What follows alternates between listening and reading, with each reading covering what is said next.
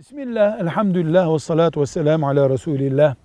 İnsanlara kan nakli yapılıyor. Başka bir insandan alınıp bu insana kan nakli yapılıyor. Nokta. Bir kadından süt alınıp bir çocuğa emzirildiğinde hısımlık, akrabalık, annelik oluşuyordu.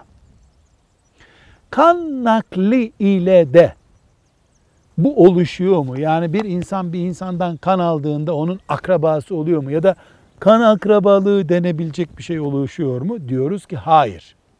Bu asrın bütün uleması ittifak etmişlerdir ki ne kadar olursa olsun 3 litre 5 litre bile olsa bir insandan bir insana aynı anda farklı zamanlarda kan nakli yapılması ile onların arasında akrabalık oluşmaz.